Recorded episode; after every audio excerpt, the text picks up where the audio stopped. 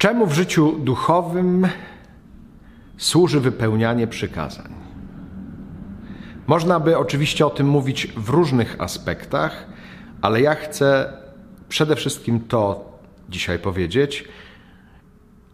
Dążeniem, które w życiu duchowym jest bardzo ważne, jest opanowanie.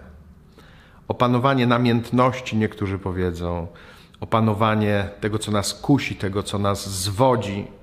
Właśnie po to są przykazania. Staramy się je wypełniać, bo wypełnianie przykazań pomaga być opanowanym.